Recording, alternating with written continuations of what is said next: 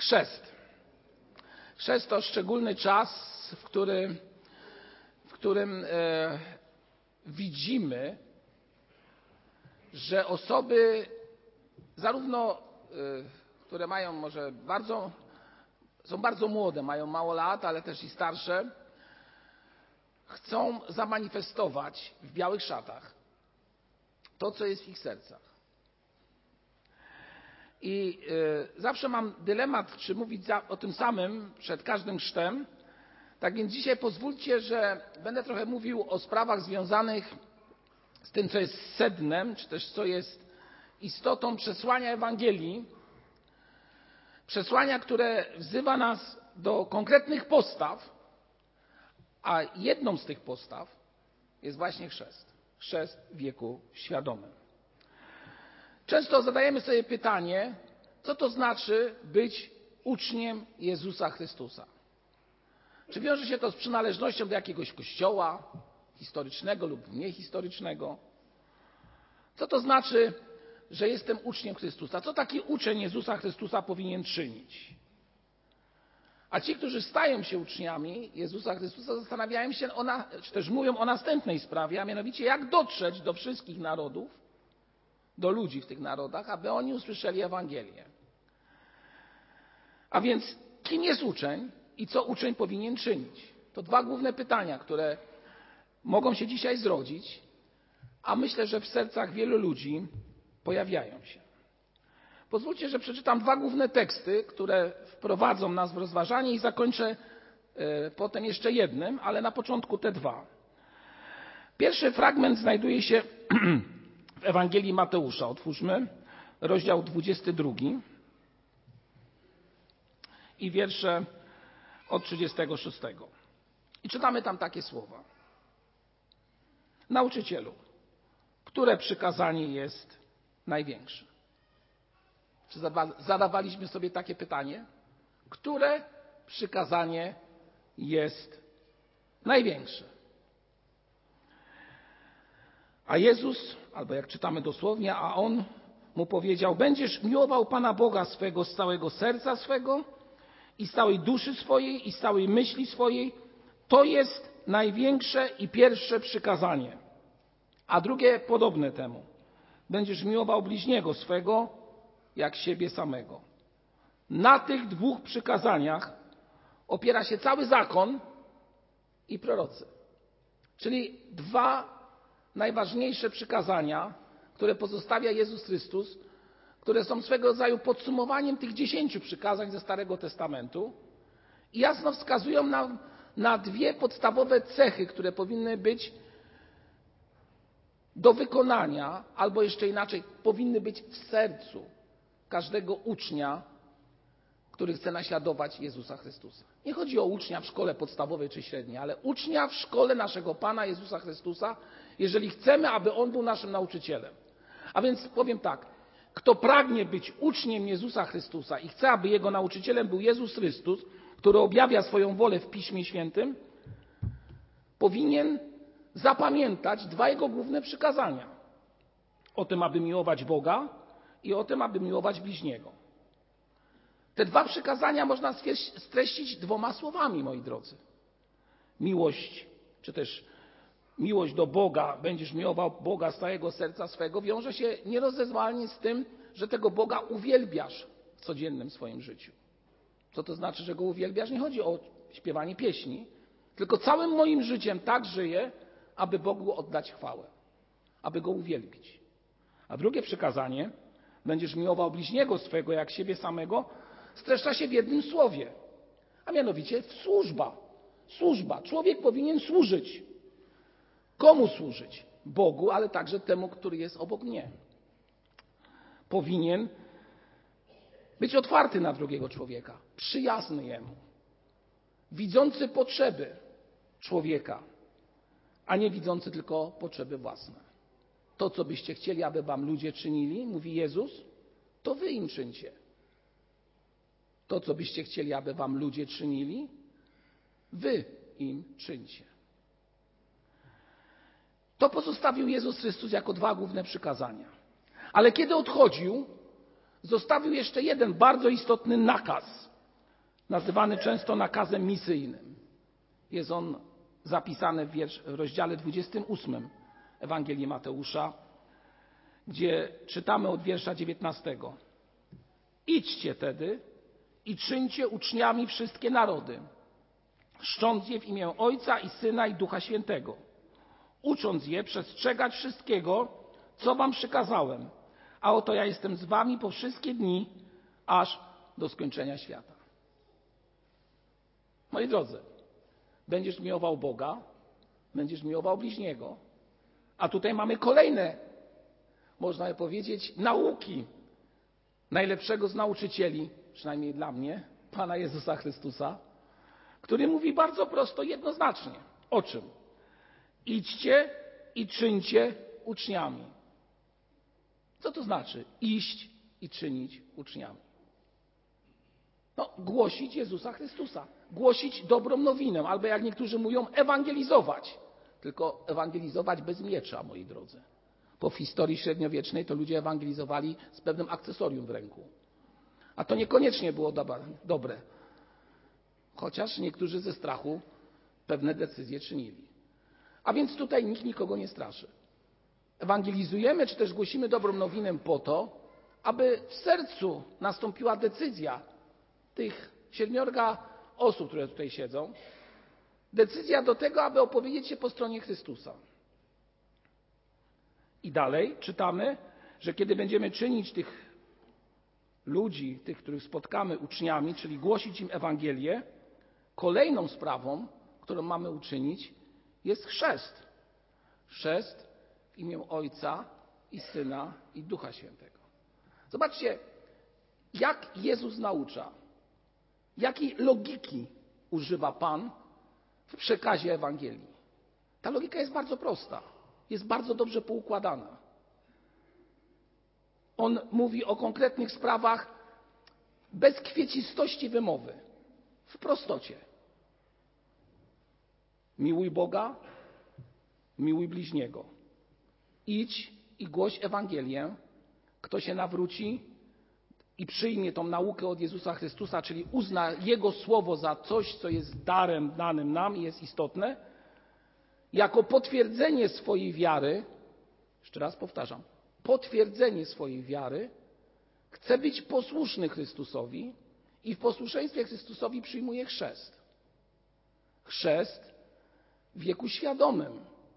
Chrzest na wzór, który pozostawił nam nasz Pan Jezus Chrystus. Chrzest, który znaczy dosłownie zanurzyć, pogrzebać. To jest to, o czym czytałem przed dzisiejszym kazaniem. Chrzest, moi drodzy, czy chcemy tego, czy nie, jest symbolem pogrzebu. Jeszcze raz powtórzę, pogrzebu. Jakiego pogrzebu zapytamy? Ano pogrzebu starego życia, starego człowieka. Kiedy lustro wody zamyka się nad człowiekiem, kiedy jest zanurzony, symbolizuje to jak gdyby zejście do grobu. Pamiętajmy, jest to tylko i wyłącznie symbol.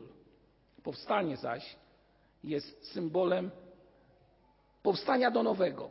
A Pismo Święte mówi, że chrzest jest prośbą do Boga o dobre sumienie. Czyli znowu powracamy w tej logice Bożej do czego? Do tego, aby uwielbiać Boga i mając dobre sumienie służyć drugiemu człowiekowi. Słuchajcie, drodzy zebrani, powiem tak, uwierzcie mi, nauka Chrystusa trwa ponad dwa tysiące lat. I wielu robiło zamachy na tą naukę. I powiem tak, jeżeli by nie było za tym jakiejś konkretnej siły Ducha Świętego, to ona już by dawno nie istniała. A ona ciągle jest. Bo jest prosta, konkretna i daje człowiekowi najlepszą z nadziei, jaką możemy mieć na tej ziemi życie wieczne. I ostatnia sprawa, którą czytamy w przekazie Chrystusowym, a mianowicie, e, kiedy mówi się tutaj, że mamy chrzcić imię Ojca i Syna i Ducha Świętego, piątą zasadą jest ucząc je przestrzegać wszystkiego, co wam przekazałem. I Chrystus obiecuje, oto ja jestem z wami po wszystkie dni aż do skończenia świata.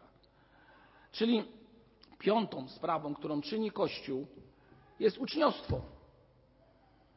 Co to znaczy uczniostwo? Chrzest, moi drodzy, do Was się teraz skieruję, to jest początek. To jest absolutny początek Waszej drogi za Chrystusem, albo Jego początkowa część. Teraz zaczyna się przed Wami kolejny, jeden z ważniejszych etapów. Ten etap nazywa się uczniostwo. Bo możesz przyjąć chrzest i mówiąc kolokwialnie powiedzieć Chrystusowi, no dobrze, znudziłem się Tobą. A możesz przyjąć chrzest i całe życie w tym momencie będziesz chciał Go naśladować. Czyli całe życie uczymy się. I ci, którzy mają już wiele lat, a w naszym zborze ostatnio obliczyłem, że jest prawie ośmioro dorosłych, dojrzałych mężczyzn i kobiet, którzy przekroczyli wiek 90 lat. Niesamowite, nie? Ktoś powie wiekowy zbór, no ale ja widzę też młodych ludzi tutaj. Powiem tylko jedno. W ustach tych ludzi jest jedno stwierdzenie. My się ciągle uczymy Chrystusa. Niesamowite. 90 lat, a oni ciągle uczą się Chrystusa. Uczą się od Chrystusa. Jak się uczą? Czytając Słowo Boże. Niesamowite. A więc, moi drodzy, chrzest jest początkiem do tego, abyście się stali uczniami Jezusa Chrystusa. Uczniami Jezusa Chrystusa. A Pismo Święte w liście do Rzymian mówi tak 15 rozdziale. A poganie, aby poganie, aby uczniowie, byśmy mogli powiedzieć, stali się ofiarą przyjemną, uświęconą przez Ducha Świętego. To druga część fragmentu z listu do Rzymian, 15 rozdział, 16 wiersz. Kościół, którym jesteśmy, jest kościołem, który powstał z pogan. Nie jesteśmy częścią narodu żydowskiego w sensie krwi. Jesteśmy wszczepieni w Chrystusa, który był Mesjaszem dla narodu wybranego izraelskiego, ale także jest naszym Mesjaszem, Twoim i moim. I Pismo Święte tak bardzo obrazowo mówi, abyśmy stali się dla Niego tą, jako uczniowie Jego, ofiarą przyjemną i uświęconą przez Ducha Świętego. Powinniśmy dążyć do tego, aby być bliżej Chrystusa każdego dnia, ale też, żeby poddać się działaniu Ducha Świętego. Bo popatrzcie, gdy uczeń jest w szkole, otrzymuje konkretne polecenia i materiał, który musi wykonać, aby coś zdać. Ale po pewnym czasie, kiedy to zda, o czym tu już wielokrotnie mówiłem, często słyszy się stwierdzenie, że nie będę magazynował całej wieży, więc zapominam. A ja Wam muszę powiedzieć, że w tej szkole Jezusa Chrystusa jest ktoś, kto Wam nie pozwoli zapomnieć o tych sprawach, które tutaj słyszeliście, o których czytacie w Piśmie Świętym. To jest przyjaciel i pocieszyciel, wysłany przez Chrystusa tu na ziemię do Was. Duch Święty. I On Was będzie uczył. I On Was będzie kształtował. I Ty będziesz stale mógł dążyć do Niego.